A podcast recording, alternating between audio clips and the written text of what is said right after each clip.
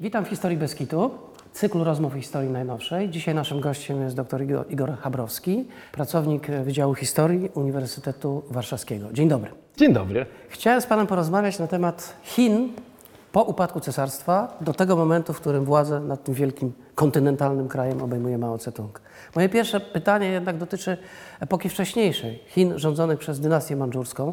Jaki to był kraj? To jest bardzo, bardzo ciekawe, bardzo trudne pytanie, tak historyk powinien odpowiadać, ponieważ to był kraj, w skrócie mówiąc, wieloskładnikowy. To troszkę no, trudno sobie wyobrazić, ale ej, jak- muszę studentom to tłumaczyć w sposób czasami najprostszy, mówię, że to były cztery kraje tak naprawdę i przypominały takiego światowida ze zbrucza. To znaczy w każdą stronę miało zwróconą inną twarz i był trochę innym krajem. Ponieważ to była dynastia manczurska, wyszła z terenów dzisiejszej Manczurii, południowej części Manczurii, to żeby w ogóle stworzyć Manczurów, to to była tak naprawdę unia różnych grup etnicznych. Tam byli Dżurdżeni, tam byli Mongowie, tam byli Koreańczycy, tam byli też Chińczycy. Więc oni stworzyli e, państwo, które było w jakimś stopniu armią. Wedle tradycji mongolskiej było podzielone na osiem chorągwi. To było około mężczyzn, których było w tych chorągwiach poniżej 200 tysięcy ludzi, oczywiście z rodzinami i tak dalej, to mówimy o większej jakiejś liczbie ludzi. I te chorągwie były główną jakby częścią sił wojskowych Mandżurów, które potem podbiły Chiny. Więc Mandżuria była jedną częścią tego państwa. Mandżurowie mogli tylko tam mieszkać, czyli ci, którzy należeli do tych chorągwi i do 1860 roku w gruncie rzeczy była zamknięta do jakiegokolwiek osadnictwa. Bo to była ich własna rodzinna ziemia, tam były wielkie tereny łowcze dla cesarzy, tam były, tam były pałace, tam był inny troszeczkę sposób życia. Drugą częścią była część mongolska. Od razu jeszcze przed podbojem Chin część Mongołów stanęła po stronie Manczurów i potem w, ciągu XVII-XVIII wieku Manczurowie podbili znaczną część terenów, które były zamieszkane przez Mongołów. Czyli to dzisiaj się zaczyna, jakbyśmy mówili o dzisiejszej Mongolii, w Chinach tej prowincji Mongolii wewnętrznej, całą drogę aż do Xinjiangu, czyli tego Turkestanu chińskiego, pod dzisiejszy Kazachstan i nawet kawałki dzisiejszego Kazachstanu, bo to granica była mniej więcej na jeziorze Bałchasz. Więc w sumie ogromne tereny i Mongołowie sami w sobie też byli zorganizowani w ligi, w chorągwie, które były osobnym państwem, można nazwać takimi osobnymi księstwami, które były często związane więzami dynastycznymi z dworem manczurskim. Manczurowie żenili się z księżniczkami, które były mongolskimi księżniczkami, więc oni stanowili pewną arystokrację. Inną częścią był Tybet. Tybet sam sobie wpadł w ręce Manczurów na początku XVIII wieku i byli bardzo mocno związani z powodów religijnych. Oni chcieli być, oni bronili kultu, bronili Dalaj Lamy, także brali udział w wyborach tych Dalaj Lamów, ale jednocześnie Tybet był autonomiczny, ale w jakimś stopniu w rękach manczurskich. No i oczywiście był tam także przedstawiciel manczurski i był garnizon manczurski, który dotrwał do początku XX wieku. Więc kontrola nad, więc to są te tereny tego imperium, y, te trzy części imperium. No i zostaje to, co podbili od Chińczyków, od dynastii Ming. Czyli ta największa czyli, część. Czyli najbardziej ludna. Więc ta podbita część, Manczurowie zachowali cały system administracji y, cywilnej i wojskowej, która istniała w dynastii Ming, także podział na prowincje właściwie był taki sam. Przejęli ich stolicę, wyrzucili Chińczyków z tej stolicy, którzy zbudowali naokoło drugie miasto, zajęli te chorągwie i dwór cesarski osiadł wewnątrz Pekinu, więc zajęli tą stolicę samą w sobie. Bardzo szybko zaczęli organizować najważniejszą instytucję życia publicznego i politycznego w Chinach, czyli egzaminy na urzędników, które odbywały się co trzy lata, więc cała więc taka podstawowa struktura, w której wytwarzano elity w Chinach i które potem te elity rządziły całym krajem, została przez Manczurów zachowana. I Manczurowie w gruncie rzeczy byli monarchią, zach- zachowali też ten centralistyczny system władzy nad Chinami, który wynikał z bardzo scentralizowanej administracji poprzedniej dynastii, który miał swoje głębokie korzenie w chińskiej tradycji politycznej, system biurokratyczny, system opierający się w gruncie rzeczy o umiejętności, o wiedzę, która była udowadniana na podstawie egzaminów prowadzonych czterostopniowego systemu egzaminacyjnego i który opierał się o pewną wiedzę i przyswojenie pewnego kanonu. My nazywamy to kanon konfucjacki w pewnym uproszczeniu. Więc ten system władzy został zachowany, ale były pewne rzeczy, które oni zaszczepili. Na przykład część chorągwi została, utworzono garnizony wewnątrz Chin, w miejscach, które uchodziły za strategiczne. No, trzeba, trzeba kontrolować No oczywiście. i Manczurowie były także bardzo ekspansyjną dynastią. To znaczy właściwie do początku XIX wieku cały czas dokonywane były wojny. Były walki na pograniczu tybetańsko-chińskim, były, czyli w dzisiejszym Syczuanie. Były potem wojny, oni napadli trzy razy, napadli Birmę, napadli chyba z dwa razy na- nawet na Nepal. Czyli bardzo wielkie kampanie. W ogóle podbicie całego tego Xinjiangu, to znaczy nowe pogranicze, było efektem kilku dekad bardzo brutalnych wojen. Mówimy o tym e, krańcu zachodnim tym, imperium. tak, tym za- północno-zachodnim, Muzułmańskim. wielkim, tam gdzie jest tak pustynia Taklamakan, tam gdzie jest Altaj, tam gdzie są góry Tien Shan, które opiera się z jednej strony do środku jest pustynia, opiera się o Karakorum, Pamir, prawda, i Altaj aż do Bałchaszu. To były tereny podbite, więc oni wytworzyli także pewien system kolonialny. Sam w sobie naokoło Chin, ale także wewnątrz został zaadoptowany. Więc w sumie ta monarchia jako taka funkcjonowała, była państwem jednocześnie także kolonialnym. Znaczy w naszym pojęciu kolonialnym, tylko terytorialnym. Była państwem, które y, jakby mieszało się pomiędzy tą manczurską, chińskością, mongolskością.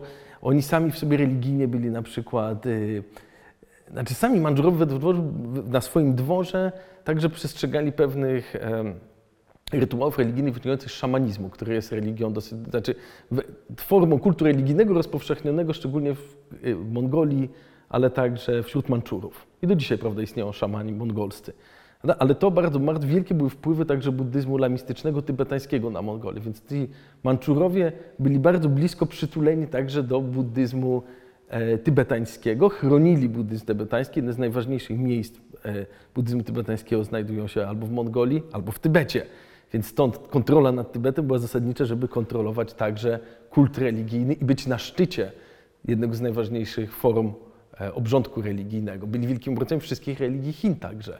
Więc w sumie byli taką monarchią wieloskładnikową, y, o wielu twarzach i chyba najlepszą rzeczą, tak kończąc to zdanie, co opisuje w ogóle Manczurów, to są, takie, to są ich stelle. Prawda? W Chinach jest kultura cały czas steli, tak jak w starożytnej Grecji. Prawda? Że na kamieniu ryty jest, nie wiem, na przykład główny jakiś e, e, kamień fundacyjny tyczący się, nie wiem, świątyni czy ważnej instytucji, czy ważnych wydarzeń wiążących się z życiem cesarstwa.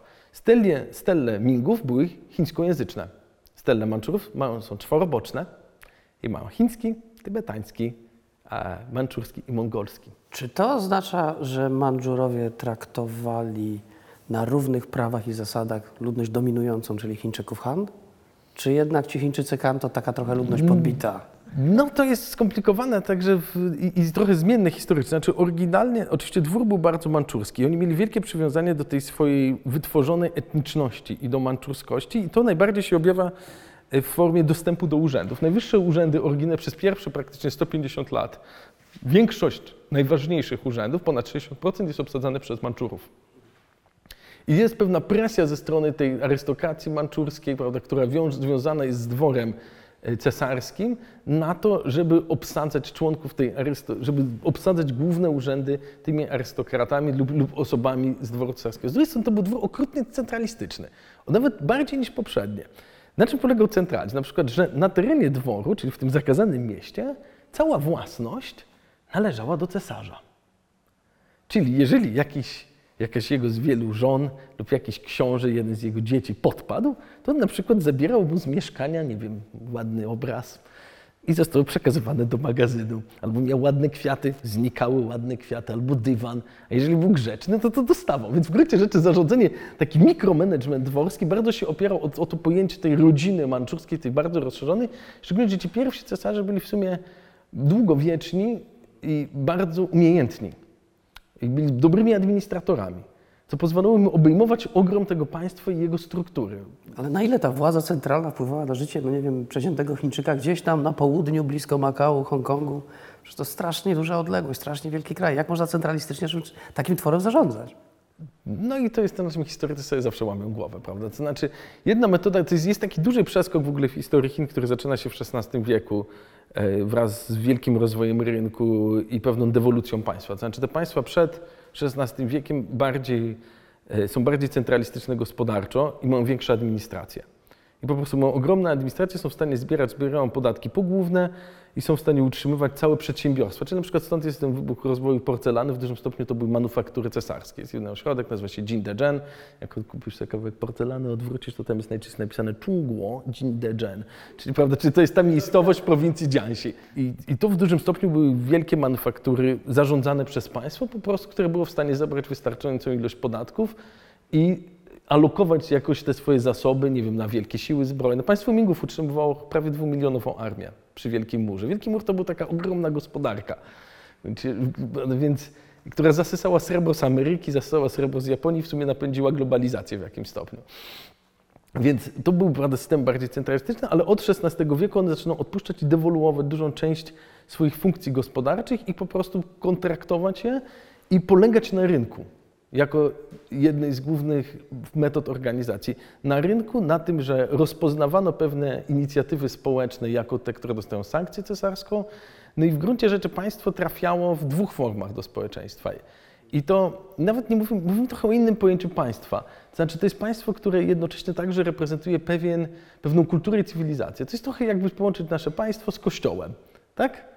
Więc wyobraźmy, że nie ma tego rozdziału, czyli edukacja, wiedza, moralność opiera się w gruncie, ta odpowiedzialność za to spoczywa także na państwie, które musi zadbać o to, żeby te instytucje, żeby wiedza, żeby naukowcy, żeby, żeby pojęcie moralne, żeby ci urzędnicy zajmowali się także tą sferą życia społecznego. Więc kontrola nad edukacją i kontrola nad poprawnymi formami życia społecznego, czyli rozpoznawanie tych instytucji, które uchodziły, używają pojęcia ortodoksyjne, junk po chińsku, czy takie, które są poprawne i oddzielenie ich od niepoprawnych. A te popra- niepoprawne trzeba poprawić, a poprawne są uznane.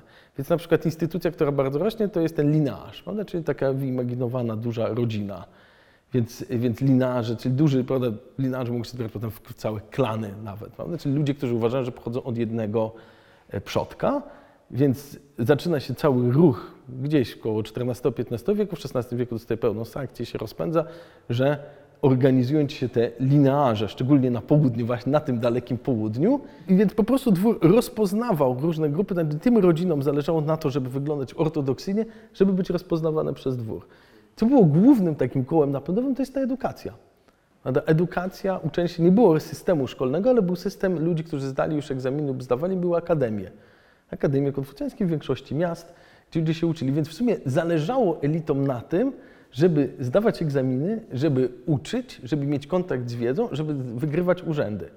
Oczywiście za to był duży zwrot. Na przykład yy, osoba, która zdała już egzamin, nie podlegała w procedurze sądowej torturom. E, To już jest bardzo. A tortura bo jest rzeczą zasadniczą w rozpoznaniu winy. Więc inna to był oczywiście system urzędników i lokalny. System nie był specjalnie duży. Było około 3000 urzędników lokalnych, którzy w większości sprawowali funkcje sądownicze, ale też na przykład organizowali egzaminy, e, dbali o sprawy cywilne, sprawy karne. Więc to jest dosyć lekki rząd, ale on był w stanie zbierać podatki i angażować lokalne elity. I przez to właściwie całość społeczeństwa w jakimś stopniu była wciągnięta, ta, która była ważna politycznie, w funkcjonowanie tego systemu. E, Rozumiem, że w drugiej połowie XIX wieku pojawiła się świadomość tego, że trzeba to państwo modernizować, chociażby poprzez przejmowanie rozwiązań wypracowanych na Zachodzie. Udało to się w Japonii w czasie rewolucji Meiji, chyba w Chinach nie do końca.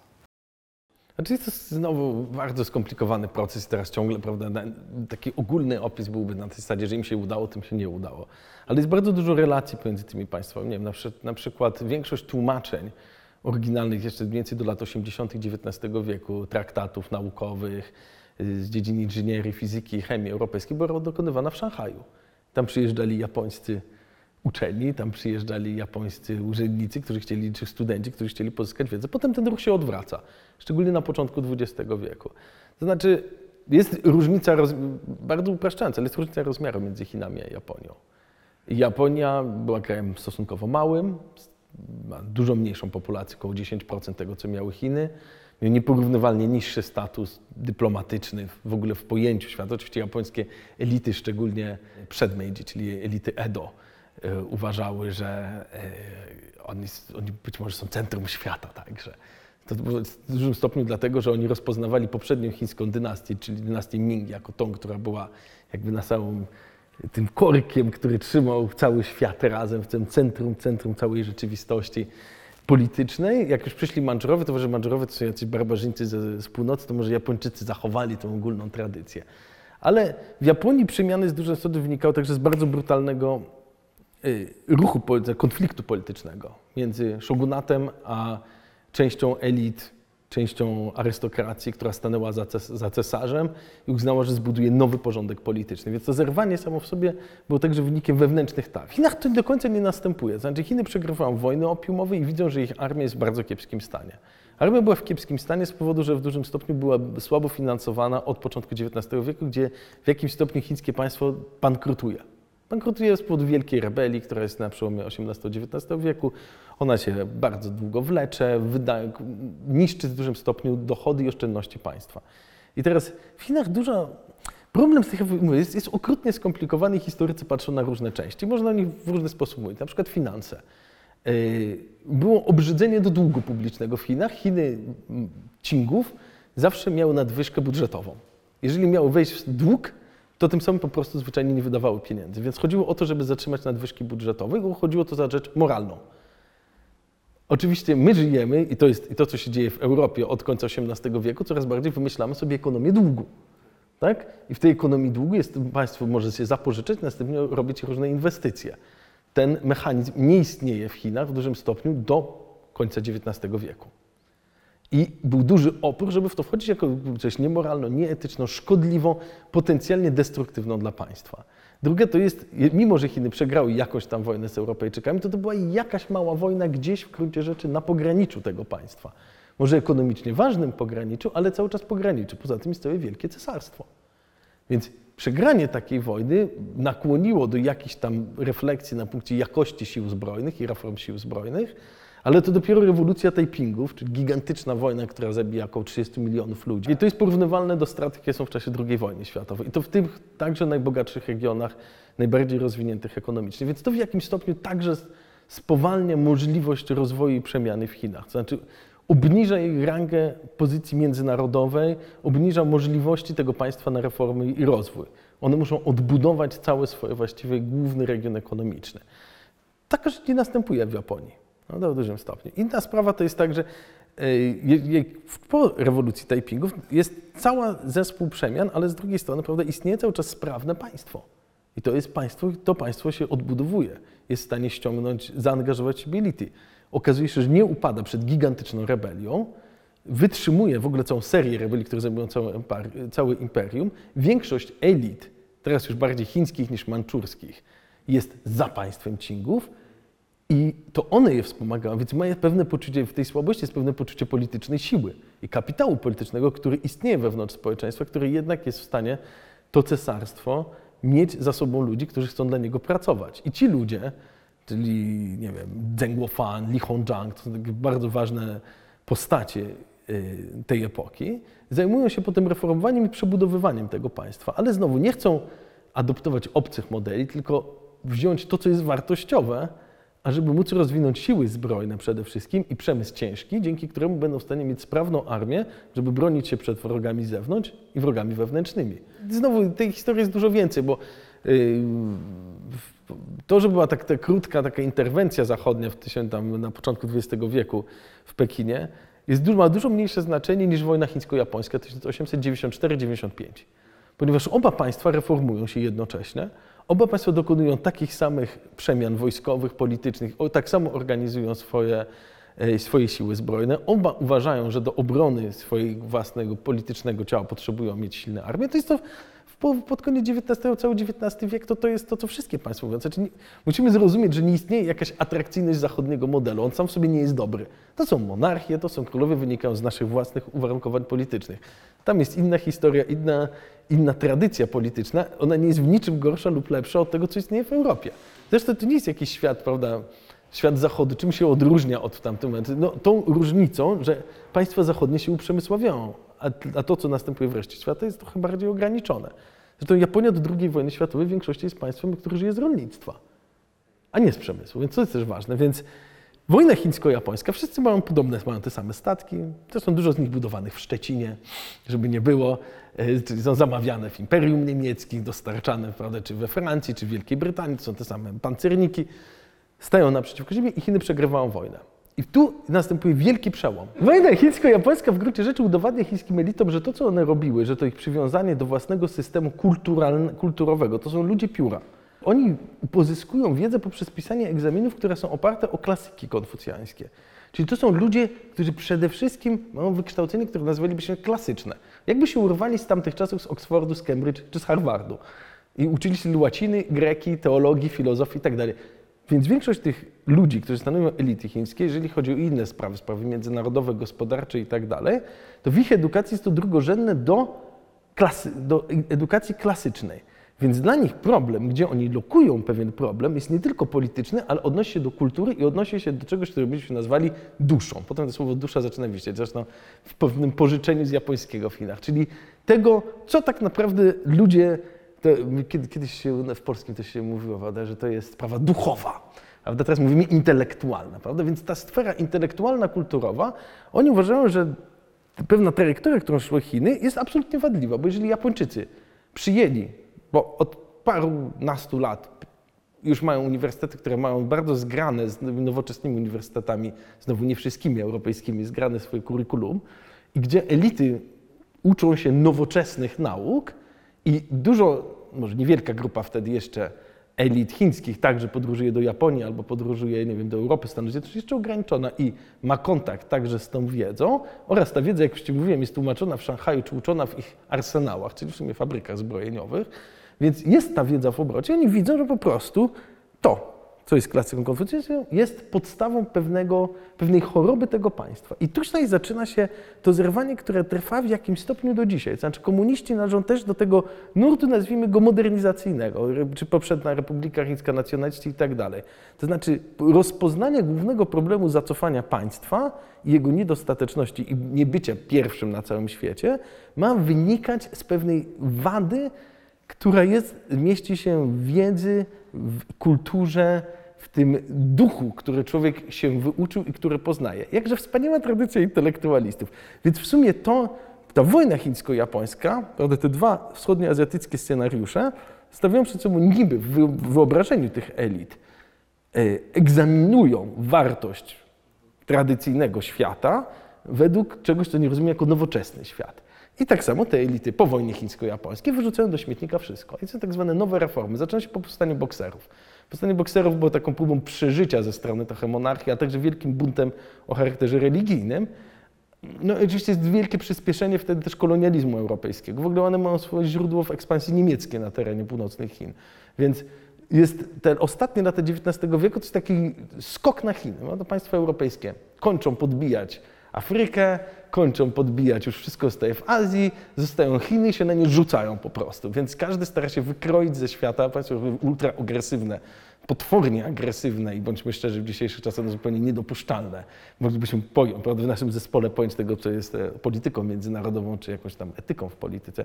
Prawda, rzucają się na te Chiny, tak jak na wszystkie inne państwa i starają się je rozedrzeć na kawałki. Więc te koniec XIX wieku, to moment pewnej słabości politycznej, gospodarczej, ale także składa się z pewnym kryzysem kulturowym, kryzysem elit, ich własnego pojęcia na temat ich samych, ich wiedzy i źródeł, skąd ta wiedza powinna być. No i zaczyna się fascynacja nowym, jakąś rewolucją, odwrócenia czegoś, zmiany. Więc ostatnie 10 lat dynastii to jest taki okres przyspieszonych reform. Oni reformują wszystko. System edukacji, budują publiczny system edukacji, e, system religijny. Większość, większość świątyń zaczyna być przeznaczonych ich majątek na szkoły i posterunki policji. Budują nowoczesny system policji, który ma dbać o, o praktycznie wiele aspektów także administracji cywilnej. Zaczynają organizować parlamenty, e, dają konstytucję, zaczyna się pisanie konstytucji, organizują, pobudzają lokalne elity także do ruchu parlamentarnego i w ogóle do uczestniczenia w życiu publicznym. Ale rozumiem, czy tu chodzi już o cesarstwo, czy chodzi Koniec o okres... 10 lat ostatnich cesarstwa. Jest wielka reforma armii. To wszystko jest strasznie kosztowne. Oni w gruncie rzeczy odnoszą sukces. Powstają ci system polityczny, powstają ci szkoły publiczne, powstaje ci nowe kurikulum, nowe sposoby y, budowania elit. Ale to w jakimś stopniu także zrywa tę miłość elit do państwa. Prawda? Powoduje pewien kryzys. No Bo większość tych elit wywodzi się z tej klasycznego drogi edukacji i to nowy, nowa wersja państwa jest samą sobie bardzo rewolucyjna i to bardzo podkopuje legitymizację cesarstwa i w ogóle całego systemu cesarskiego. No bo To w takim razie nacisnę na ten pierwszy klocek w dominie, które potem przekształciło się w upadek cesarstwa i abdykację ostatniego małoletniego cesarza Pui. Znaczy to jest, w, czyli te nowe, te nowe reformy są w sumie takim ruchem ogólnym, politycznym. Jest bardzo wielu członków tych elit, także związanych z dworem cesarskim. I także później jedna z bardzo ważnych postaci y, w ogóle w życiu politycznym, czyli Wen Shikai. On był- był także generałem północnej armii, która jest jedną z najbardziej zreformowanych armii, która się odbudowuje po tej wojnie y, chińsko-japońskiej. To on także był bardzo mocno związany także z dworem, z, to, z, z ojcem ostatniego cesarza, i z pewnymi koteriami dworskimi, koteriami elitarnymi i reformistycznymi urzędnikami, którzy sami w sobie także pracują nad tym, żeby zreformować cesarstwo. Jest wielu emigrantów, którzy odpada, bardzo prominentnych postaci, którzy mieszkają w Japonii albo w Hongkongu, którzy też piszą i aktywnie dokładają się do tego ruchu republikańskiego, później Chyba Sun, Sun republikańskiego. Yat-sen, prawda, się też. Sun Yat-sen jest tak naprawdę, bo on, on starał się organizować powstanie, był terrorystą politycznym na terenie Chin, a w, a w gruncie rzeczy działał w diasporze chińskiej w większości. On pochodził z kantonu, znaczy z okolic kantonu, wy- wyedukowany w kantonie, potem w Hongkongu, potem na Hawajach, więc był trochę outsiderem systemu politycznego Chin. Ale i to organizacja Sun Yat-sena anty, i ta wersja antycesarskiego republikańskiego powstania narodowego w Chinach, które miało stworzyć chiński naród, to jest inna z wersji odpowiedzi na to, jak zreformować państwo. Bo nie wszyscy chcieli narodu, ale jedną z konkluzji po wojnie japońsko-chińskiej było to, że musi być chiński naród. Bo oni zobaczyli, jak działa nowoczesny naród. Japończycy to zrobili. Wojna była szalenie popularna.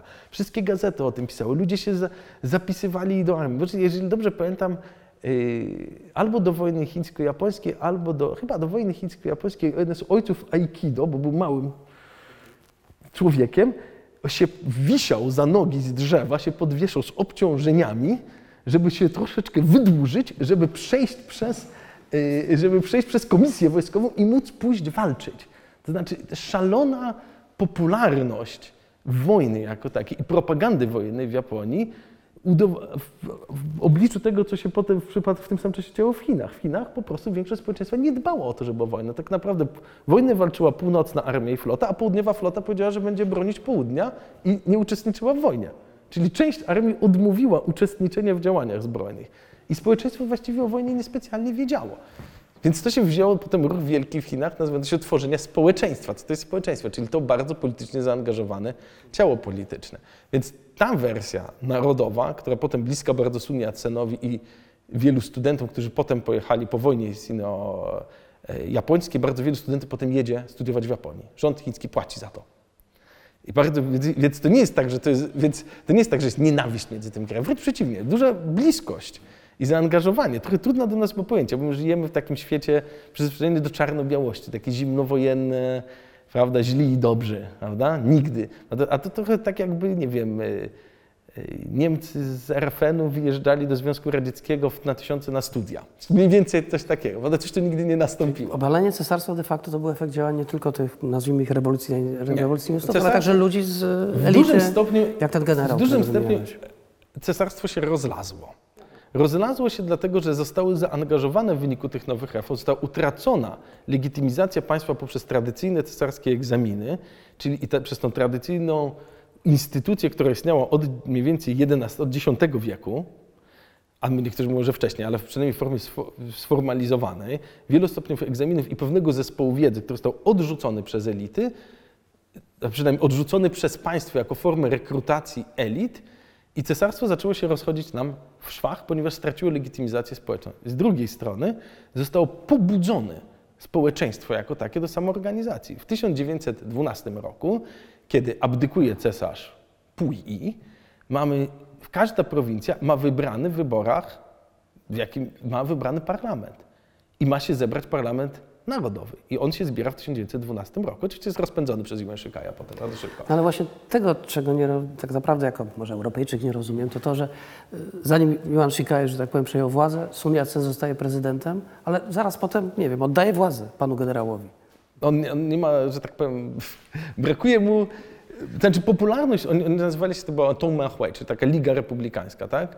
Która zebrała różne organizacje. I oni w gruncie rzeczy sam był mocno powiązany z różnymi ukrytymi grupami wewnątrz sił zbrojnych, które z, wywołały powstanie w 1911 roku w mieście Wuhan, które stało się ostatnio międzynarodowo sławne które jest centralnym miastem dla transportu chińskiego, bo jest nad Yangtze, w samym środku przechodziła linia kolejowa i Yangtze przez nie przepływa. Więc jest jakby tym środkowym punktem w samym kraju. Powstanie było trochę przypadkowe, trochę jak u nas powstanie listopadowe. Wyszło, nie wyszło, ktoś tam młodsi się zbuntowali, potem zamieniło się to w wielkie powstanie, potem zostało totalnie...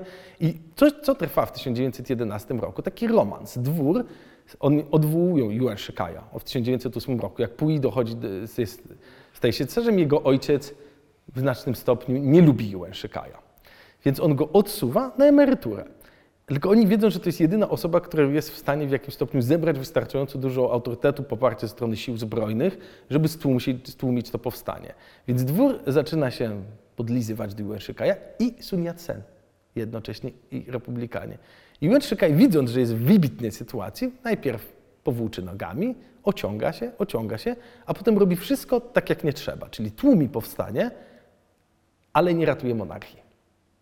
Więc on siebie już automatycznie wysuwa wtedy jako tą osobę, która jest w decydującej pozycji w tym dosyć takiej triangulacji politycznej, to jest on. Dwór jest od niego zależy i ci powstańcy od niego w jakimś stopniu zależą. Więc potem on buduje swoją własną frakcję i pozbywa się Sun Yat-sena. I tak naprawdę na prezydenta najpierw jest wybrany Sun Yat-sen, potem ma wybrany jego drugi, Song Jiao-ren. To był jego bardzo dobry przyjaciel, a ten, który też był w tej lidze, był w tej grupie republikanów, nacjonalistów i Song Jiao-ren jest zamordowany. On jest wybrany na prezydenta i on zostaje zamordowany prawdopodobnie przez jakichś bandytów, którzy są e, inspirowany. Potem jest rozpędzony parlament i jednocześnie po prostu Shikai rozumie, że on jest w stanie zbudować coś w rodzaju dyktatury, która będzie jego własnym państwem i on będzie kontrolował całym organizmem państwowym. To znowu, jest wiele różnych komplikacji, które wiążą się także z rynkami finansowymi. Te Chiny są bardzo słabe finansowo, zależne od państw zachodnich, zależne i ich po- pozycja polityczna jest bardzo słaba. I on w pewnym momencie także uznaje, że najlepiej jest yy, uczynić w 1916 roku, czyli już parę lat później, siebie samego na ces- uczynić cesarzem i założyć nową dynastię. Ale chyba długo to nie trwało, prawda? Tak, on przeprowadza wszystkie rytuały, które trzeba, ale to powoduje wybuch następnych powstań i następne, to, to w Chinach nazywa to drugą taką, drugą rewolucją. Bo część, szczególnie całe południe się przeciwko niemu buntuje, część dowódców wojskowych się buntuje i to ostatecznie prowadzi do rozkładu państwa. Znaczy on dość szybko potem umiera. To jest ta era wataszków, tak to się chyba określa. On potem dość szybko umiera i coś staje, że ponieważ on jest, bo to są zależności też personalne. On prowadził Akademię Wojskową Główną, która jest, była w Baoding. Baoding jest takie miasto od Pekinu. Jak wyjeżdżasz koleją, to szybko, pierwszy jest Baoding najczęściej, na, jadąc na południe. I tam jest jedna z najważniejszych akademii wojskowych. Więc w sumie te akademie wojskowe, prawda, wielu ludzi, którzy tam są, to są jego studenci. I są osoby z nim blisko personalnie, więc są te powiązania personalne. I w sumie on znajduje się na samym szczycie pewnego, prawda, był dowódcą północnej armii, miał bardzo silne nogi w Tianjinie, gdzie jest, prawda, to była związany z flotą północną, więc cały systemem militarnym, który jest pod niego w gruncie rzeczy podwiązany. Jak go nie ma, to nie ma żadnego innego wojskowego, który miałby porównywalny status. Więc każdy z nich uważa, że może być sam u siebie.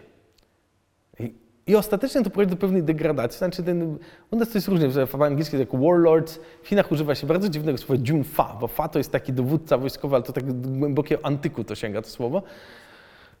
Jak historycy to raczej tłumaczą to jako okres takich państw garnizonów, czyli dystryktów garnizonów. Słowo wataszka jest dobrym chyba słowem. Chociaż to nie, no wataszka to jednak nie, nie Ale generał. byłem tylko- około 300, ale są tacy, którzy są ogromni i rządzą poza wieloma prowincjami. 300 ich było. Tak, ponad 300. I- I są tacy, którzy są ogromni, rządzą wielkimi prowincjami, są tacy, którzy mają jedną wieś. Problem polega na tym, że to, to nie, lepiej o tym myśleć jako po prostu, on nazywał on feng, e, czyli takie e, obszary garnizony. To znaczy każdy z nich rozumie, że ten system wojskowy upada, więc musi na swoim obszarze stworzyć zupełnie osobny system podatkowy, z którego będzie w stanie ciągnąć zasoby, żeby utrzymać swoją armię. Co powoduje, że bardzo wielu z nich jest, są innymi mikro, tak dużo mikrowojenek. Jedne są też stosunkowo duże, niektóre są całkiem wielkie, ale nie są jakoś okrutnie mordercze te wojny. Są bardziej wykańczające dla gospodarki dezorganizujące państwo. Więc w gruncie rzeczy wielu z nich po prostu buduje swoje własne garnizony i na tym obszarze może korzystać z zasobów. Najlepiej jest dopchnąć się do jakiegoś portu na dużej rzece, gdzie, którędy spływa opium. Więc oni się angażują natychmiast w dobre biznesy, prawda? kontrolować jakąś linię kolejową, yy, transport rzeczny, dostęp do opium, kontrolować porty i tak dalej, i tak dalej. Więc to pozwala przeżyć bardzo wielu i zbudować zupełnie niezależną jakoś tam bazę. Jeżeli jeszcze ma się tą samą pochodzenie etniczne albo na przykład religię, to też pomaga. Jasne. Ale równolegle rozumiem, że powstaje, partia Kuomintang, prawda? Sun Yat-sen jakby wraca. A tak, to jest bardzo skomplikowane historie Kuomintang. Chyba w historii Nie, nic nie ma sko- nieskomplikowanego, co się obawia. To w żadnej historii chyba nie ma, tak? Oj, Czy ja wiem? Ale prostej historii nie ma. Kuomintang ma w sumie dwa momenty założycielskie, no, bo on jest odnowiony potem. Tak? Znaczy on jest założony, i są w gruncie rzeczy, mówimy o tym jako partii nacjonalistycznej, ona potem jest zredefiniowana w latach 20. To znaczy Sun Yat-sen, oni muszą uciekać, znajdują, wracają do kantonu. Więc te takie etniczne, protoetniczne, można powiedzieć etniczne podziały stają się bardzo ważne także, w ogóle w tamtym okresie. Znaczy Chiny są wielojęzykowe, wielo, ponieważ jest jedno państwo i cytując Erika Hosbauma, naród to jest to jest co, grupa etniczna, która ma policję i armię, tak? Więc No, podobno Chińczyk z północy, Han, nie jest dokładnie tym samym Chińczykiem z są bardzo różni ludzie, No prawda? mają różne pochodzenie i tak dalej, ale mają innym językiem też przede wszystkim mówią, tak? To znaczy jest bardzo wiele tych języków i nawet te dialekty wewnątrzchińskie są dosyć różne i to zaczyna odgrywać wielką rolę już pod koniec cesarstwa, prawda? Bo jak powstają ci prowincjonalne parlamenty, to potem mówi się nasi u nas, Syczuańczy, Syczuan dla Syczuańczyków, a Dziangsi dla tych, którzy są z Dziangsi, tak? Dla Dżadzianczyków, nie? No bo my wybieramy swojego, to dbamy o swoje. Co jest jakby tym, i to jest ten ruch, który także większość scentralizowanych państw chińskich, przynajmniej wczesno nowożytnych i potem dzisiejszych państw chińskich, ma alergię na regionalizm tego typu. Ma głęboką alergię, prawda? bo to znaczy, że może i stąd polityka jednych Chin.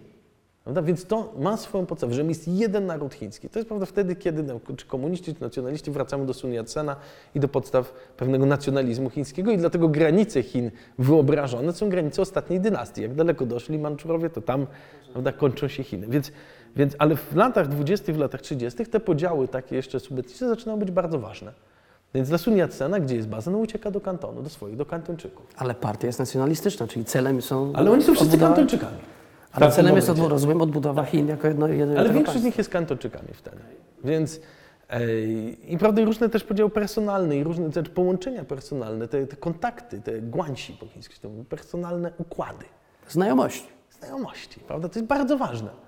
E, czy ludzie studiują, czy studiowałeś razem, czy byliście razem, nie wiem, czy wyjeżdżaliście razem, czy pochodzicie z tej samej grupy wiekowej, czy jesteście z podobnych, nie wiem, z tego samego dystryktu. To te wszystkie rzeczy mają ogromne znaczenie dla budowania każdej siły politycznej. Więc ten partykularyzm, naród partykularyzm, one zawsze będą w takim trudnym układzie i one gdzieś tam między sobą grają. Znaczy ta partia, wiemy, była nacjonalistyczna, Zaw- zawsze Kuomintang, partia nacjonalistyczna, No tak, ale jeśli idzie, że tak powiem, program polityczny, czy to była partia, która zamierzała, nie wiem, budować demokratyczne Chiny w takim rozumieniu demokracji No liberalnej? i teraz możemy wyjść w własną historię w dużym skrócie. No żeby ta partia się odrodziła, musiała znaleźć jakąś podstawę. No to zwiali na południe, tam gdzie mieli znajomych. Yy, I byli zebraną grupą polit- zaangażowaną politycznie. I teraz co to są za ludzie? No mamy ludzi takich Sun Yat-sen, mamy takich ludzi jak potem Chiang Kai-shek i mamy bardzo ważną żonę Sun Yat-sena. Są Songowie. Songowie to jest nazwisko, które zostało przyjęte przez ojca tej? Son Jining, która była żoną Sun Yat-sena. Potem żoną Chiang Kai-sheka była jej siostra, Son Mei-ling. Ich ojciec miał nazwisko Han. On wyemigrował, był związany z, z misjonarzami amerykańskimi, wyemigrował do Stanów Zjednoczonych, odbył tam edukację uniwersytecką, zmienił nazwisko, wrócił do Szanghaju i miał robić, e, rozszerzać religię i uczyć tejże protestanckiej wersji chrześcijaństwa. E, jednakże przeszedł na handel Biblią jako lepszy biznes. Przez to stał się dosyć bogaty. Więc oni byli strasznie bogaci.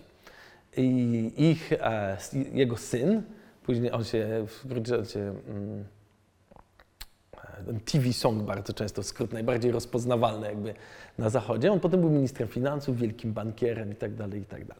Więc dobre małżeństwa były ważne. Tak? To znaczy, więc te związki pewne finansowe, pewnych ludzi, którzy byli trochę marginalni do systemu politycznego starszych Chin, znaczy ani nie wojskowi, ani nie stare elity chińskie, powiązani yy, z Zachodem, powiązani z handlem międzynarodowym, z dużymi miastami, z tym powstałym imperialnym światem, który wytworzyli Brytyjczycy, Francuzi i tak dalej, i tak dalej. W podbojach kolonialnych skąd płynęły pieniądze, tam gdzie emigrowali także i Chińczycy i budowanie związków politycznych w całej diasporze, to jest jedna z podstaw nacjonalizmu chińskiego. Jedną z głównych rzeczy, które najbardziej denerwowały, co było źródłem podstawy jakby w ogóle nacjonalizmu chińskiego, to to, że Chińczyków paskudnie traktowano na przykład w Malajach, y, czy w Wietnamie, czy w Indonezji, jako robotników e, na plantacjach. I nie było żadnej obrony ze strony państwa, Cingów dla nich, które nie miało siły, żeby dyplomatycznie bronić swoich własnych obywateli. I to tam tu się budzi pewien taki bardzo ważny antyimperialny, antyzachodni część nacjonalizmu. Nacjonalizm chiński jest antyimperialny z zasady. Tak? Niedemokratyczny, nie mówimy tu żadnej demokracji. Następnie bardzo długo Sun Yat-sen szukał jakiegoś źródła, no, on dużo dużo na ten temat pisał, jakiegoś źródła tego, jak Chiny miały się przemienić. Więc to powstały te jego trzy zasady ludowe, prawda, które są różnie tłumaczone. E, więc jeden to jest, niektórzy to tłumaczą, tam jest e, nacjonalizm, prawda, to jest min, ju, prawda, czyli że naród jest w centrum. Teraz to min to jest dosyć ciekawe słowo w chińskim języku, ponieważ kiedyś tradycyjne społeczeństwo chińskie dzieliło się na szy i min. Szy to były elity, które zdały egzamin, min to ci, którzy nie zdawali egzaminu, czyli reszta. To jest dość ogólne pojęcie, bo Drugie słowo Ming, czyli lud. więc to mamy lud, prawda? Mówimy tu o ludzi, nie mówimy tu o jakichś elitach, mówimy tu, że lud będzie w centrum, tak? Drugim elementem to było Minquan, czyli władza w rękach ludu, co niektórzy tłumaczą jako demokracja. Ale tu nie ma specjalnie do definiowania tego i w ogóle Sun Yat-sen potem bardzo szybko mówił, że w gruncie rzeczy, jeżeli nacjonaliści zdobędą władzę, no to będzie okres takiego, okres przejściowy, takiego dorastania kraju. On musi dorosnąć, ludność musi dorosnąć, bo Oświecona dyktatura. Chińskie elity są do dzisiaj święcie przekonane, nie na Tajwanie, który się zdemokratyzował w połowie lat 90., ale są święcie przekonane, że ludzie są zbyt ciemni i zbyt i mają zbyt brzydkie, pozwijmy to, zachowania społeczne, które trzeba jakoś usunąć, ażeby oni dorośli do pełnej demokracji. Więc jest wielki strach pewnych elit, teraz partyjnych, przedtem partyjnych, a kiedyś cesarskich, do tego, że ten lud sam sobie jak weźmie władzę w ręce, no to będzie taka straszna oklokracja albo jakaś chłopska rebelia, po prostu łby będą spadać wszędzie. Chodzi o partykularyzm, to znaczy, że ludzie nie będą mieli żadnego szacunku dla państwa i porządku publicznego, za to będą mieli bardzo duży tylko szacunek dla swojego własnego, rodzinnego interesu. I tu wracamy do tego, co przedtem mówiłem, do tych linearzy, podziałów rodzinnych, tej, tego uświęconego życia rodzinnego w Chinach i jego roli życia społecznego, czyli jakby uświęcenia partykularyzmu wewnątrz, naokoło własnej rodziny, który był, miał pełne poparcie w, y, w myśli konfucjańskiej, ponad interes publiczny. Prawda? To władza oświecona jest w stanie być taką wielką rodziną nad licznymi rodzinami. A w tłumaczeniu zwulgaryzowanym, jeżeli, te, jeżeli się będzie demokracja, to każdy będzie tylko wykonywał ten elegancki ruch i zagarniał tam, gdzie trzeba do siebie. Więc brak zaufania do społeczeństwa jest jedną z zasadniczych części. No i oczywiście mamy teraz Minsheng. I to Minsheng znaczy, Sheng znaczy życie, ale także dobrobyt. Więc dobrobyt ludu. To często jest tłumaczone jako socjalizm. Więc dlatego komuniści ciągną swoje, e, swoją tradycję także do Sun Yat-sena, mówiąc, że Sun Yat-sen uważał, że socjalizm jak w sobie jest zasadniczo dobry. To teraz rozumiem, że takiego oporu wielkiego tam w Kuomintangu nie było do współpracy z Rosją bolszewicką dość szybko, prawda? No i zaczyna się właśnie ten problem. To byli pariasi Kuomintang. Siedzieli na południu pod obroną lokalnego przywódcy wojskowego, lokalnej kliki wojskowej, która rządziła dalekim południem. Tolerowani, trochę dziwni. Oni zaczęli reorganizować swoje państwo, na ile im można było negocjować miejsce, swoją, swoją, własną, swoją własną partię, ale szukali przyjaciół. A pariasi znajdą jedyną współpracę strony pariasów. A pariasem międzynarodowym była Rosja bolszewicka. I Rosja bolszewicka patrzyła na swojego południowego sąsiada z wielkim zdziwieniem.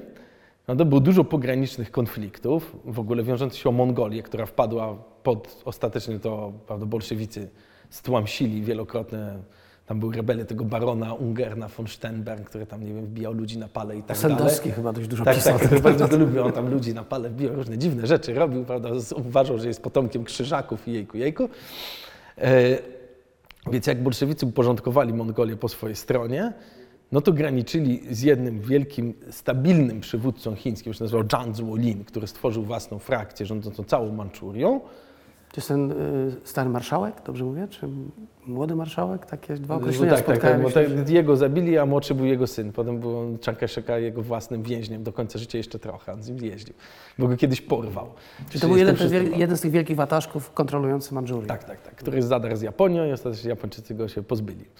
E, I on, e, więc, e, więc oni graniczyli z nim, ale szukali ideologicznego partnera, bo nie było żadnej ideologicznego gracza w, tamtym, w Chinach, w tamtym miejscu, poza nacjonalistami. Więc oni znaleźli po prostu partnera, z którym dało się rozmawiać.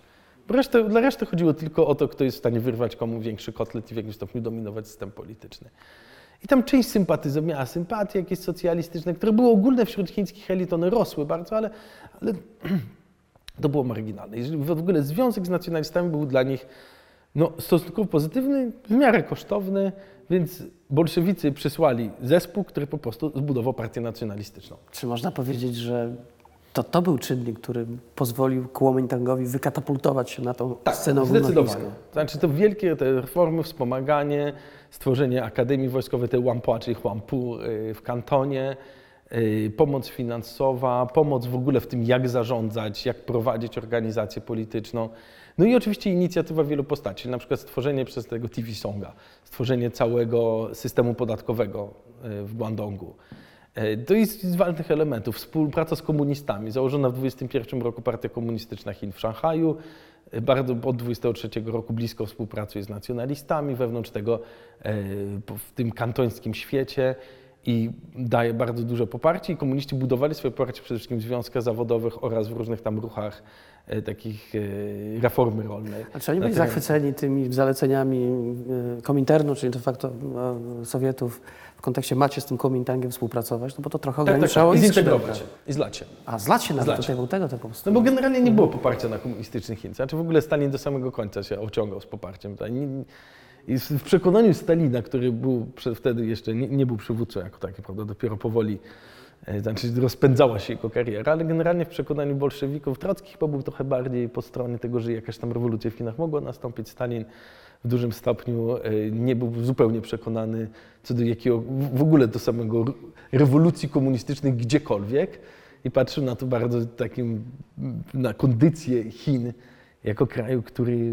no, no, nie ma z czego robić rewolucji, więc musi być wspólny front, nazwali wspólnym frontem i praca, która pozwoliłaby na pewne przemiany, zasadnicze przemiany społeczne, które by to potem doprowadziły do, do takiego miejsca, gdzie komunizm może w ogóle zaistnieć. Więc to jest pewien koncept. Oczywiście bardzo dużo było braku zaufania między jedną i drugą stroną, bo e, ten Komintern, działający tam przez Borodina, który siedział w kantonie, on był blisko związany z lewicą, e, lewicą nacjonal- nacjonalistów, ale także z komunistami. Komuniści chińscy rekrutowali masowo także we Francji czy w Niemczech, byli bardziej globalną organizacją.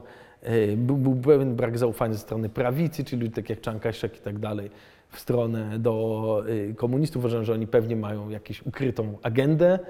E, Z tego, co wynika z badań, nie, nie mieli specjalnie, ale były ewidentne, były wewnętrzne paradoksy i konflikty i w metodzie działania obu partii i w tym, w jaki sposób one, by, do, do jakiego stopnia mogły razem działać i jaki cel osiągnąć. Ale ja rozumiem, że w tym momencie komuniści postępowali no, ewidentnie niezgodnie z zaleceniami, że tak powiem, Rosji Nie, nie, to było wszystko bardzo zgodne. No, Ale zgodne, ale z drugiej strony do tego zlania przecież w sumie nie doszło. Doszło do konfliktu pod koniec lat 20., prawda?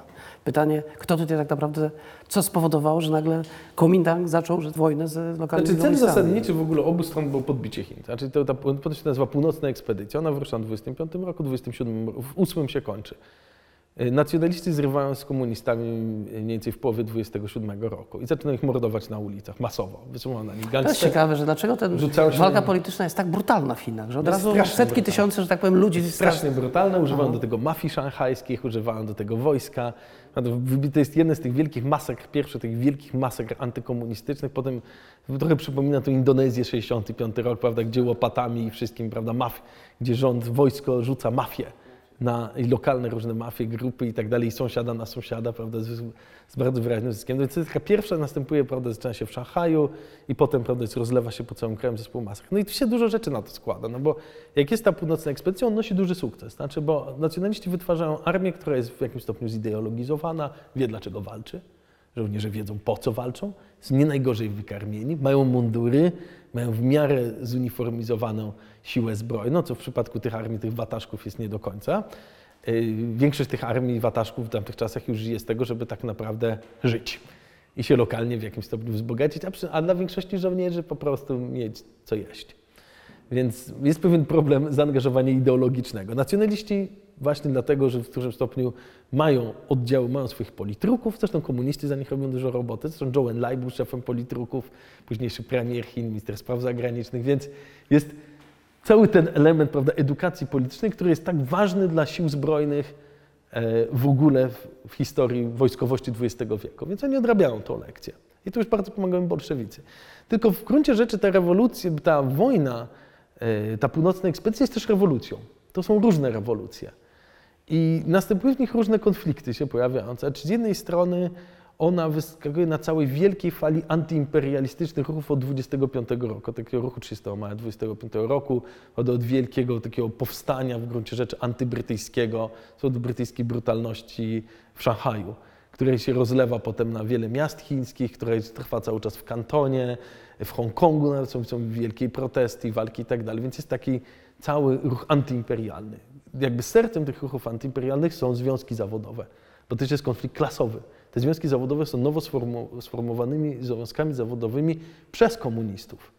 Więc ten element organizacji politycznej robotników w miastach jest bardzo także ważne, ale to przeraża elity finansowe, elity e, ekonomiczne, tak, gospodarcze e, Szanghaju, które są dominujące w całym kraju. Wtedy Szanghaj ma, ma ogromną część nowoczesnej ekonomii, w tym czasie jest w rękach jednego miasta i całego systemu bankowego. Drugi komuniści także prowadzą agitację na e, terenach wiejskich. To w tamtych czasach, też właśnie w połowie lat 20. Mao Zedong pisze swój sławny tekst. To jest, e, to jest jego badanie e, ruchu ludowego w prowincji Hunan. Sam jest z prowincji Hunan, która jest tak południową prowincją w Chinach. Mamy Gu- Guangdong, Hunan, prawda? I potem mamy Yangtze już. Więc, więc na tych terenach wiejskich też dzieje się rewolucja rolna. Znaczy tworzą się całe grupy, organizacje społeczne, które obalają lokalną władzę, lokalnych właścicieli ziemskich, wielu z nich zabijają, e, tworzą zupełnie nowy porządek społeczny, więc komuniści też mają w tym rękę. To prawicy nacjonalistycznej się nie podoba. Bo prawica nacjonalistyczna musi szukać dwóch odpowiedzi. No i jest trzecia rzecz bardzo ważna, tak kończąc, jak, jak ci nacjonaliści, idą, oni idą dwoma frontami. Jeden idzie z Kantonu na samym południu do Wuhanu, który jest bardzo ważny na Yangtze. Drudzy idą w stronę Szanghaju. W Katu, w Wuhanie powstaje jeden rząd. Prowadzi go Wang Jingwei. Wang Jingwei to była osoba, która była druga po Sun Yat-senie, ale Chiang Kai-shek go wyrzuca. Wang Jingwei potem nam wraca w II wojnie światowej jako główny kolaborator z Japonią.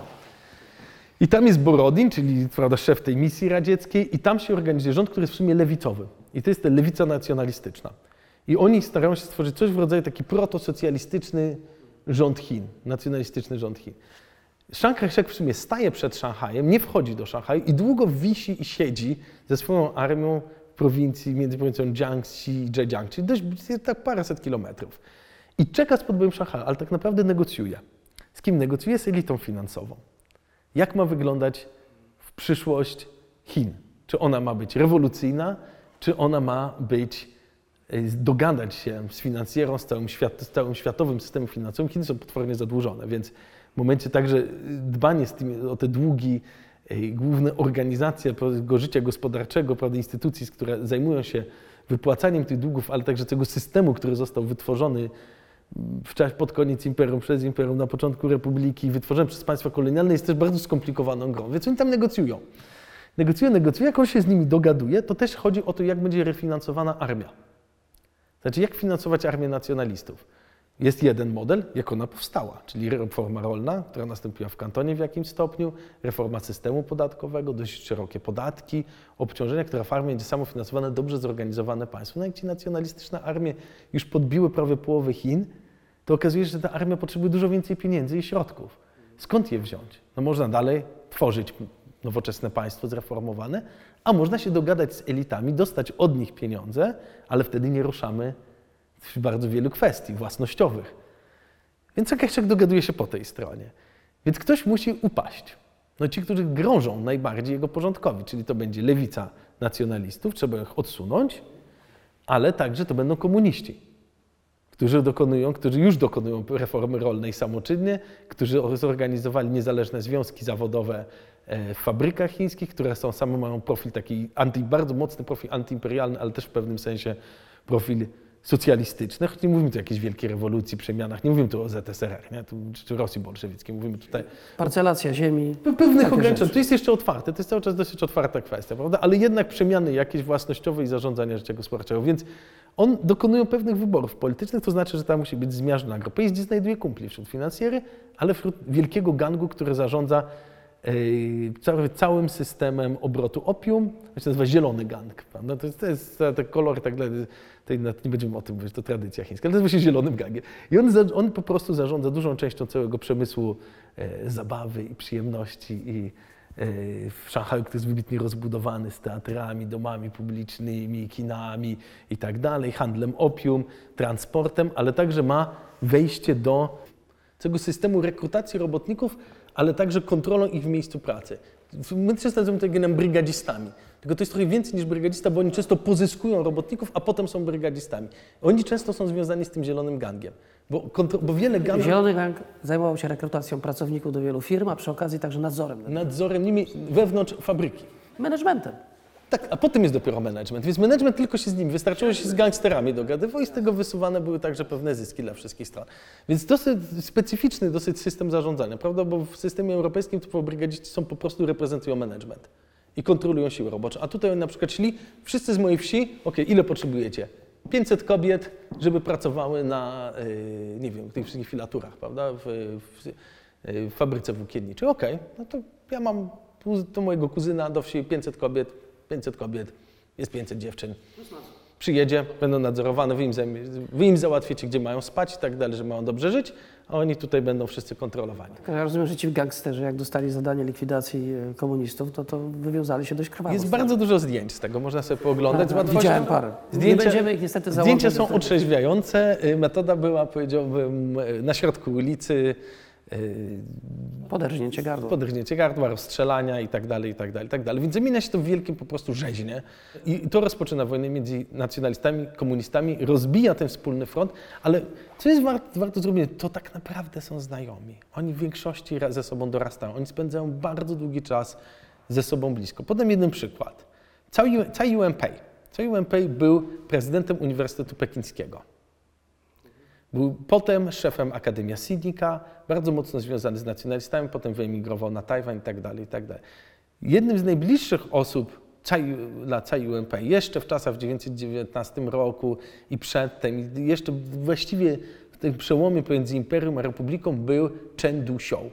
Chen Duxiou jest pierwszym sekretarzem Komunistycznej Partii Chin. Bibliotekarzem, bardzo bliską osobą dla Chen Duxiou, i nie wiem czy bardzo bliską, ale bardzo znajomą, był Mao Zedong na Pekińskim Uniwersytecie. To są początki jego kariery, jak rozumiem. No Partii tak, w jakimś stopniu. Więc mamy bardzo bliskie związki personalne, które łączą tych ludzi, którzy się świetnie znają. Więc to jest pęknięcie, które jakby w rodzinie w jakimś stopniu tych politycznie zaangażowanych, w sumie bardzo nacjonalistycznie myślących, o pewnym zaangażowaniu społeczności ludzi, którzy zrywa się z nimi współpraca i oni wiedzą, że to jest w sumie wojna, która, to złamane zaufanie, ono będzie nigdy, to będzie rana, która będzie nigdy nie do zagojenia. I to trwa do samego końca. W 49, między 45 a 49 rokiem, jak trwają różne negocjacje między Ma- Mao Zedongiem a Chiang Kai-shekiem, wiadomo jest, że komuniści, wszystko co komuniści mówią, okej, my się z wami zawsze dogadamy. Ale na takiej że wam nigdy nie będziecie w stanie wbić noża w plecy. I to samo mówią nacjonaliści. Więc nie ma możliwości dogadania się. Ale ciekawe jest to, że właśnie mamy do czynienia z świetnie zorganizowaną y, armią Kuomintangu, a mimo wszystko nie udaje się, że tak powiem, wykorzenić partii komunistycznej. Jest ten wielki... Bo ona przestaje być świetnie zorganizowana w procesie. Ona zaczyna przemieniać ona zaczyna przyjmować różne, prawda, zaczyna współpracować, bo to jest inny taki kompromis, który okazuje się zgniły. Oni zaczynają współpracować z bardzo wieloma z tych wataszków, tych przywódców wojskowych i rekonstruować Armię Narodową przez sojusze. Więc to, żeby rządzić tak wielkim krajem, jednak wymaga sojuszy. Wielu, wielu, wielu sojuszy, które są podejmowane z różnymi tymi postaciami, które istnieją już w danym miejscu. I to w dużym stopniu dlatego, że nacjonaliści, że Chiang Kai-shek, który staje się tą pod, najważniejszą postacią nagle w ruchu nacjonalistycznym, on chce zachować pewien porządek społeczny i polityczny, który będzie podpinał tą władzę i reformować Chiny znowu zaczynając od elementów kulturowych życia publicznego, form życia publicznego, ale także reformować, powoli budować państwo, budować państwo, może często używać tego typu pojęcia, które jest wzięte z angielskiego state building, tak? Znaczy powoli budować państwo bez dokonywania drastycznych, rewolucyjnych przemian, które by dotknęły większość tych grup politycznych. W znacznym stopniu jest to pewna kalkulacja, to znaczy on musi na kimś polegać. Mi się wydaje, że co jest ważne też w tym ruchu, to jest pewne przerażenie. Znaczy, oni wiedzą, że jeżeli otwiera się drzwi do rewolucji i do wielkich przemian własnościowych, to samo to spowoduje utratę kontroli. Okej. E, A czy atak Japończyków przypadkiem to nie był też ten, ten punkt, który może pozwolił Chińczykom, e, komunistom łatwiej uratować skórę? Który z kolei? No nawet ten pierwszy na Mandżurię. Znaczy na Mandżurię atak największa bitwa jest w Szanghaju, żeby nie było. Oni atakują zajmą tak, tak, razy, tak. i lądują w Szanghaju w samo centrum państwa i niszczą całą, jest wielka wojna w całej To jest jednej... początek lat 30. Jest wielka bitwa w całej dzielnicy, tam 32 rok, prawda? Jest w dzielnicy Szanghaju, która jest totalnie zdemolowana wtedy. No Ja rozumiem, że Chiang Kai- Chiang Kai-shek w tym momencie nie może się skoncentrować tylko i wyłącznie na walce z komunistami, musi tutaj coś. Generalnie jednak Chiang Kai-shek w dużym stopniu koncentruje większość sił zbrojnych i pieniędzy na walkę i eradykację komunistów. Ale też jest bardzo dużo innych dodatkowych programów. To znaczy ta walka z komunistami jest ważna i to potem powoduje pewne obrzydzenie intelektualistów do nacjonalistów. Oni tracą poparcie intelektualistów.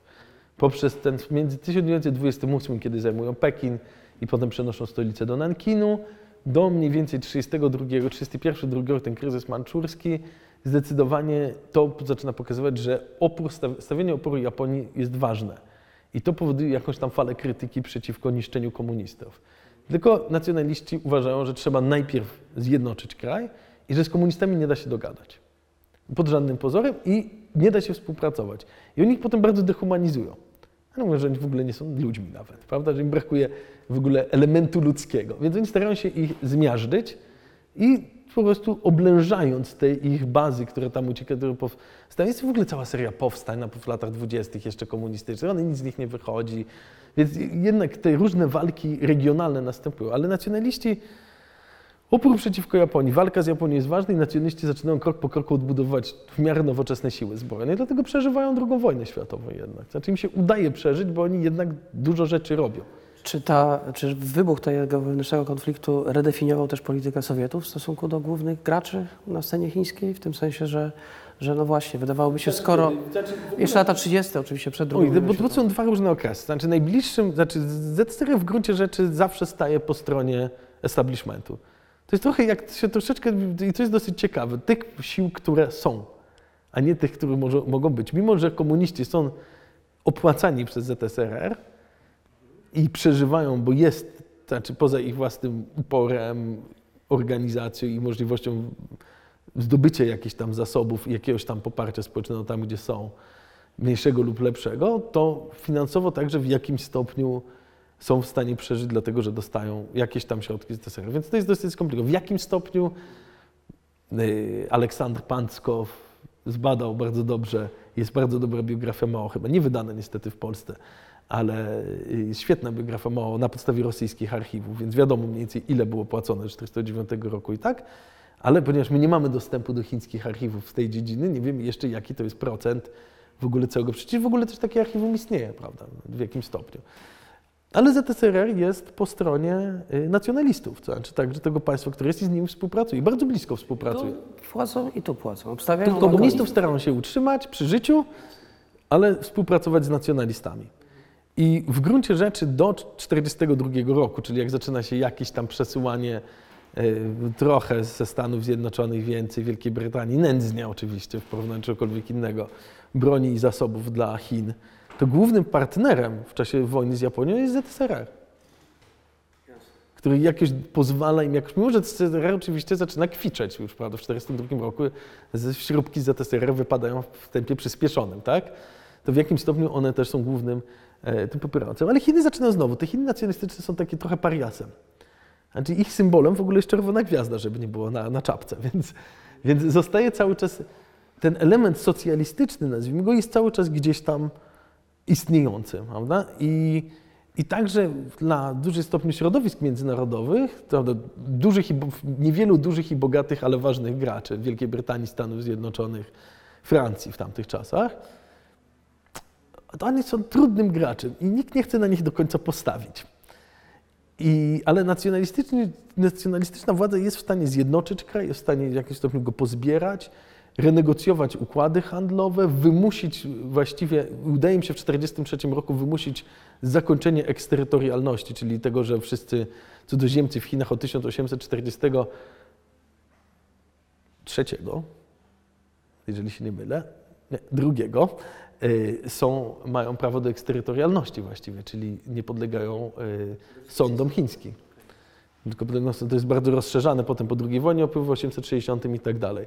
Więc oni zakończają ten proces tej nierówności między państwami zachodnimi. Inna sprawa to, że na przykład wszystkie cła chińskie, organizacja ceł chińskich jest zarządzana od lat 60. XIX wieku przez w gruncie rzeczy międzynarodową organizację, która jest osiedlona w Chinach. I ta międzynarodowa organizacja ma szefa, który jest osobą niechińską, nie jest obywatelem Chin. Bardzo wiele osób tam to są zatrudnionych, nie są Chińczykami. I w sumie ona przekazuje pieniądze i tym samym spłaca dług Chin, który jest nabyty w wojnach opiumowych i, wojnie, i wielkiej kontrybucji w wojnie bokserskiej, spłaca dług Chin poprzez wyciąganie ceł z Chin, przesyłanie do banku chińskiego, który jest na terenie międzynarodowej koncesji w Szanghaju, czyli nie podlega prawu chińskiemu i tak są spłacane długi. Nacjonalistom udaje się to zupełnie odwrócić. Przejąć Bank Chin, przejąć główne banki, przejąć kontrolę nad cłami. Potem zaczyna się wielka depresja i wszystkie kraje mają cła, Chiny mają najniższe cła i są w zupełnie beznadziejnej pozycji ekonomicznej. Nacjonalistom udaje się renegocjować to, a kiedy negocjacje nie wychodzą, wymusić podwyższenie cen. Więc oni w gruncie rzeczy budują w miarę sprawny organizm państwowy, który zaczyna funkcjonować i dość nowoczesny. Budują ministerstwa, budują zażywia chińskiego e, państwowego przemysłu ciężkiego. Ci ministrowie, którzy tworzą państwowy ciężki przemysł chiński, zostają po, podbój- po zwycięstwie komunistów. Okej. Nie jadą na Tajwan, mówią, to jest mój biznes, my tu zarządzamy, komuniści mówią, świetnie, wy zostajecie, jesteście prawdziwymi specjalistami. I zostają na całe jeszcze dekady za- zarządzając, bo są specjalistami, są technokratami. Ale jeżeli jesteśmy już w tej epoce, kiedy no właśnie II wojna światowa zaczyna zbliżać się ku końcowi, czytaj, japońska inwazja, no widać, że już sukcesem się nie, nie, nie zakończy, prawda? No, nie udało się tego Chiang Kai-sheka z miasta Chongqing e, wykurzyć, prawda, różnego rodzaju ofensywami, to, to coś, czego ja nie rozumiem, to to, że dlaczego Amerykanie nie, nie postawili w 100% na tego konia, który się nazywa ten dyktator, ale jednak nasz dyktator Chiang Kai-shek, tylko cały czas jest ta niekonsekwencja, która tylko na koniec dnia wzmacniała komunistów, a potem to pewnie... Oni go nie znoszą. A dlaczego? Znaczy, wiele rzeczy ma.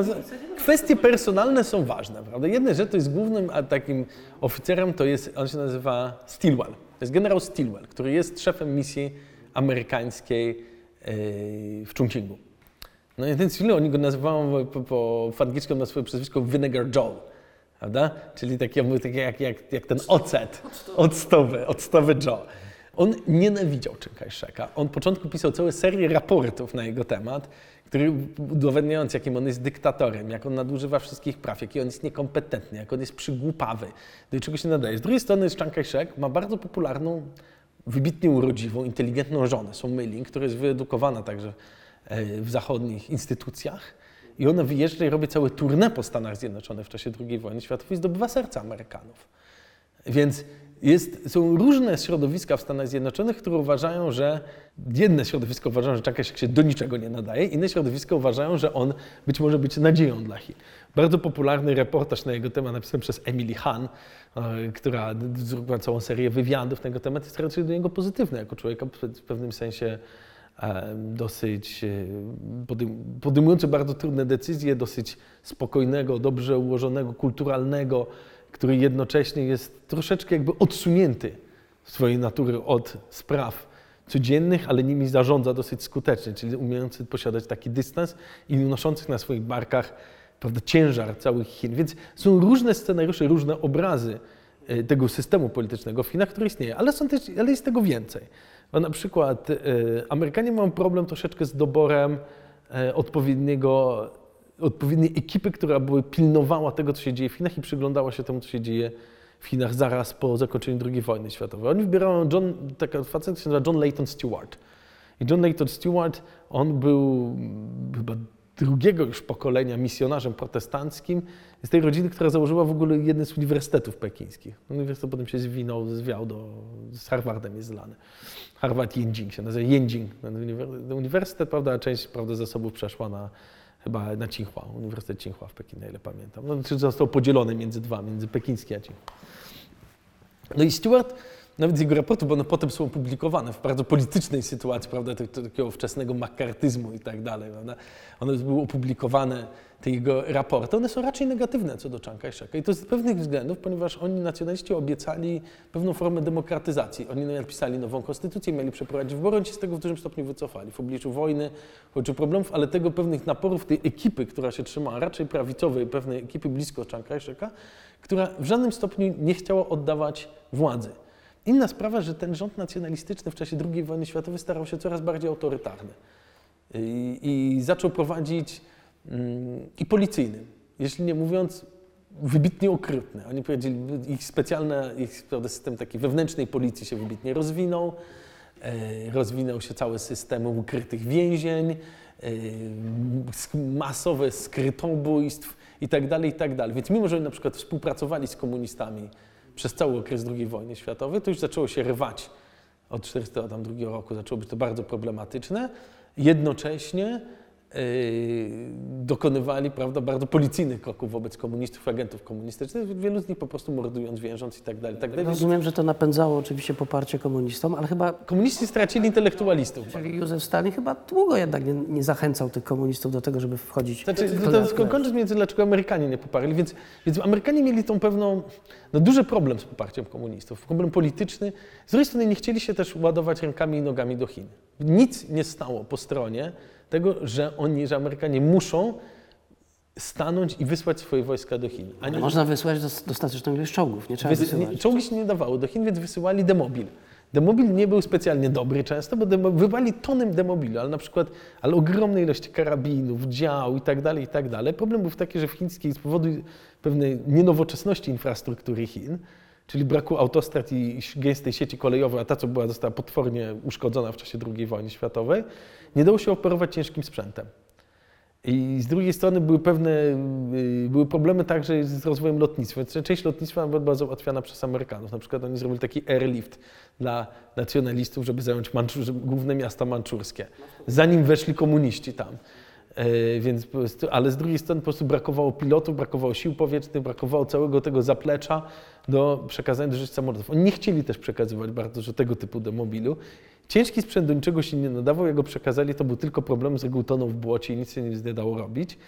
Więc to były, były pewne problemy frontów. Było małe zrozumienie, była zupełna niechęć do wysłania nawet jednego, to jest, myślimy, okres 45 rok, wysłanie jednego Amerykanina na prowadzenie wojny gdzieś w Chinach przeciwko jakiejś, w jakiejś wewnętrznej chińskiej wojnie domowej wiązało się z zerowym poparciem politycznym i, i, i, z, i z żadnym po prostu zyskiem politycznym. Ale to jeszcze nie jest, jakby to powiedzieć, wyjaśnienie pełne, dlaczego komuniści zwyciężyli, więc muszę zadać to pytanie. Dlaczego finalnie zwyciężyli komuniści? Co zdecydowało? Poparcie sowieckie, terror, no byli lepsi na pewno, ale pod wieloma względami. Zawsze to była nieproporcjonalna wojna. Nacjonaliści zarządzali rozwalającym się gigantycznym państwem, które przetrwało ledwie wojnę. Komuniści byli partią polityczną, która miała armię. Nie ponosili odpowiedzialności za system gospodarczy, społeczny i polityczny. ale kto finansował tę armię? Kto ją wyposażył? Jednak Sowieci na koniec? Komuniści mieli swoje wyposażenie, oni rozbudowali w czasie II wojny światowej, jak dostali bardzo po nosie przez Japończyków, a potem mieli nawet zatarcie jedną bitwę z nacjonalistami. Komuniści w jakimś stopniu cofnęli się od bezpośredniego zaangażowania w wielkie bitwy. Tylko zaczęli budować całą sieć baz, szczególnie w północnych Chinach i Hej, czyli tam, gdzie Chiang Kai-shek się i w, w tym samym czasie południowo-wschodnim. wykańczał, to oni... nie, wewnątrz japońskiej okupacji. Japończyków było mało, bo około 800 tysięcy do, do miliona japońskich żołnierzy, a reszta to byli chińscy kolaboranci. I armie chińskich kolaborantów. Bardzo duże. To jest takie, jest to zgubiona część historii. Ponad 2 miliony armii chińskich kolaborantów, którzy bardzo, którzy byli jednym z głównych agentów działających na rzecz e, japońskiej władzy. Więc oni budowali im za plecami bazy wojskowe. Wszędzie, gdzie ci nie mieli dostępu. Wszędzie, gdzie indziej Japończycy mogli, i może Japończycy mogli walczyć z jedną czy z drugą rzeczą, ale nie mogli walczyć z setkami różnych baz, których, oni zakładali. Więc oni stworzyli proszę cały system baz. Czyli mieli także, państwo mieli także swój własny system podatkowy, stworzyli swoją własną gospodarkę. Zaczęli robić, jedną z większych rzeczy, która pchnęła sukces chińskich komunistów, to była reforma rolna. Znaczy oni byli w stanie pozyskać dla siebie poparcie chłopstwa, czyli ich pracę, ich wysiłek. Ktoś musiał jednak targać, prawda, dla armii potrzeby, armia potrzebuje tragarzy i armia potrzebuje jedzenia. Zacznijmy od dwóch podstawowych rzeczy. A na koniec potrzebuje karabinu i tego, żeby walczyć, ale najpierw ktoś musi prawda, tych ludzi, o nich zadbać w jakimś stopniu. Więc oni dzięki temu udało im się pozyskać także poparcie chłopstwa. Na tyle duże i na tyle szerokie, że mogli być zaopatrywani i być dosyć skuteczni i szybko się wgryzać w dane lokalizacje. Komuniści budowali dość szybko państwo na dole. Więc i organizację państwa i, naj, i było naj, to jest najgłębsze wejście państwa kiedykolwiek. Nigdy żadne państwo chińskie nie wchodzi tak głęboko w społeczeństwo jak państwo komunistyczne. Więc jeżeli sobie narysujemy trajektorię, państwo cesarskie jest jeden urzędnik centralny na około 150 tysięcy ludzi, Okej. tak? A państwo komunistyczne mamy jeden urzędnik, przynajmniej przysłany, plus inni lokalni, na wieś. Czyli mamy zbliżenie do jakichś tam kilkuset ludzi, czasami kilkudziesięciu. Więc mamy ogromne, prawda, ten okres XX wieku w przypadku Chin to jest okres ogromnego rozbudowania państwa. Prawda? I nacjonaliści gdzieś są w połowie tej trajektorii, nie są w stanie wejść tak jak komuniści, często muszą wchodzić w różne sojusze z, lokal, z lokalnymi jakimiś tam szefami, nazwijmy to. Często to są jakieś bosowie, często wojskowi, a często to są lokalne najważniejsze rodziny i tak dalej. Czasami, I czasami to im służyło, czasami nie. Jedna z rzeczy, która im nie służyła, no to właśnie te sojusze. Znaczy armie nacjonalistyczne się poddawały całe komunistom w niektórych bitwach. Po prostu zmieniały strony. Oczywiście, że to jest władza, nacjonaliści są dopani, są zdezorganizowani, bo byli zdezorganizowani, są już bardzo, byli bardzo uszkodzeni, przetrąceni przez Japończyków. Więc to na pewno im nie służyło. Komuniści byli nową władzą, byli dobrze zorganizowani, scentralizowani, mieli skuteczny przesył informacji, byli bardziej demokratyczni w swoich formach działania, byli bardziej normalni, ludcy, zwyczajni, nie mordowali, nie gwałcili, nie palili miast. To duża różnica. Jest jedna wielka bitwa. To robi różnicę. Jest jedna wielka bitwa o Changchun, w której rzeczywiście jest wielka rzeź, tam ponad 200 tysięcy ludzi, gdzie są, nacjonaliści trzymają centrum miasta, komuniści oblężają je i nacjonaliści wyrzucają ludność na obrzeża, a komuniści ich nie wpuszczają. I zostają złapani w taką pułapkę między jednych a drugich. To jest taki popularny w Polsce też pisarz Frank Dikoter, zwala to jako wielka zbrodnia komunistyczna. Tylko kto wyrzucił tych ludzi z miasta, a kto ich obleżał, to powiedziałbym, jest to zbrodnia wspólnotowa. Trochę przypomina wojnę galijską Cezara, prawda? Przy oblężeniu tego ostatniego. Więc to jest to, to złapanie, prawda? Więc to jest, ale na przykład jak wchodzą do większości miast, to po prostu przejmują te miasta i wchodzą, mają zabronione rabować ludzi. Więc ludzie się zbierają tłumnie i oglądają komunistów, którzy wchodzą do miasta. To są chłopi z północnych Chin. Z tobołkiem, siedzą na środkach ulic. Jest bardzo dużo zdjęć Szanghaju, jak oni siedzą na środkach, na, na skrzyżowaniach ulic, jak oni gotują sobie posiłki, tu są wieżowce, stoją i tak dalej. Ludzie chodzą się, przyglądają, im nie wolno się zbliżać. I oni się słuchają. Więc to jest dosyć interesujące. Ona jest dużo lepiej zorganizowana, dużo, im puchnie bardzo te siły zbrojne. On jest jakieś tam miliona coś, potem rośnie pod 4 miliony, więc ta armia się rozbudowywuje, ale ona cały czas trzyma pewien jakiś etos tej armii i, prawda, i jakiś system, w którym ona jest w stanie zarządzać tymi Stają się jakby zapowiedzią zapanowania porządku wreszcie. Druga rzecz. No, nacjonaliści, zaczyna, jak nacjonaliści płacą za II wojnę światową potem? Drukując pieniądze. Zaczyna się straszna inflacja. Między 41 a 42 ona zaczyna się wymykać spod kontroli. W 47 do 49 jest przerażająca, to znaczy wyniszczająca dokumentnie na całą gospodarkę. Komuniści wprowadzają swoje własne pieniądze, ale one nie podlegają inflacji. Jakby wprowadzają też walutę, która jest stabilniejsza.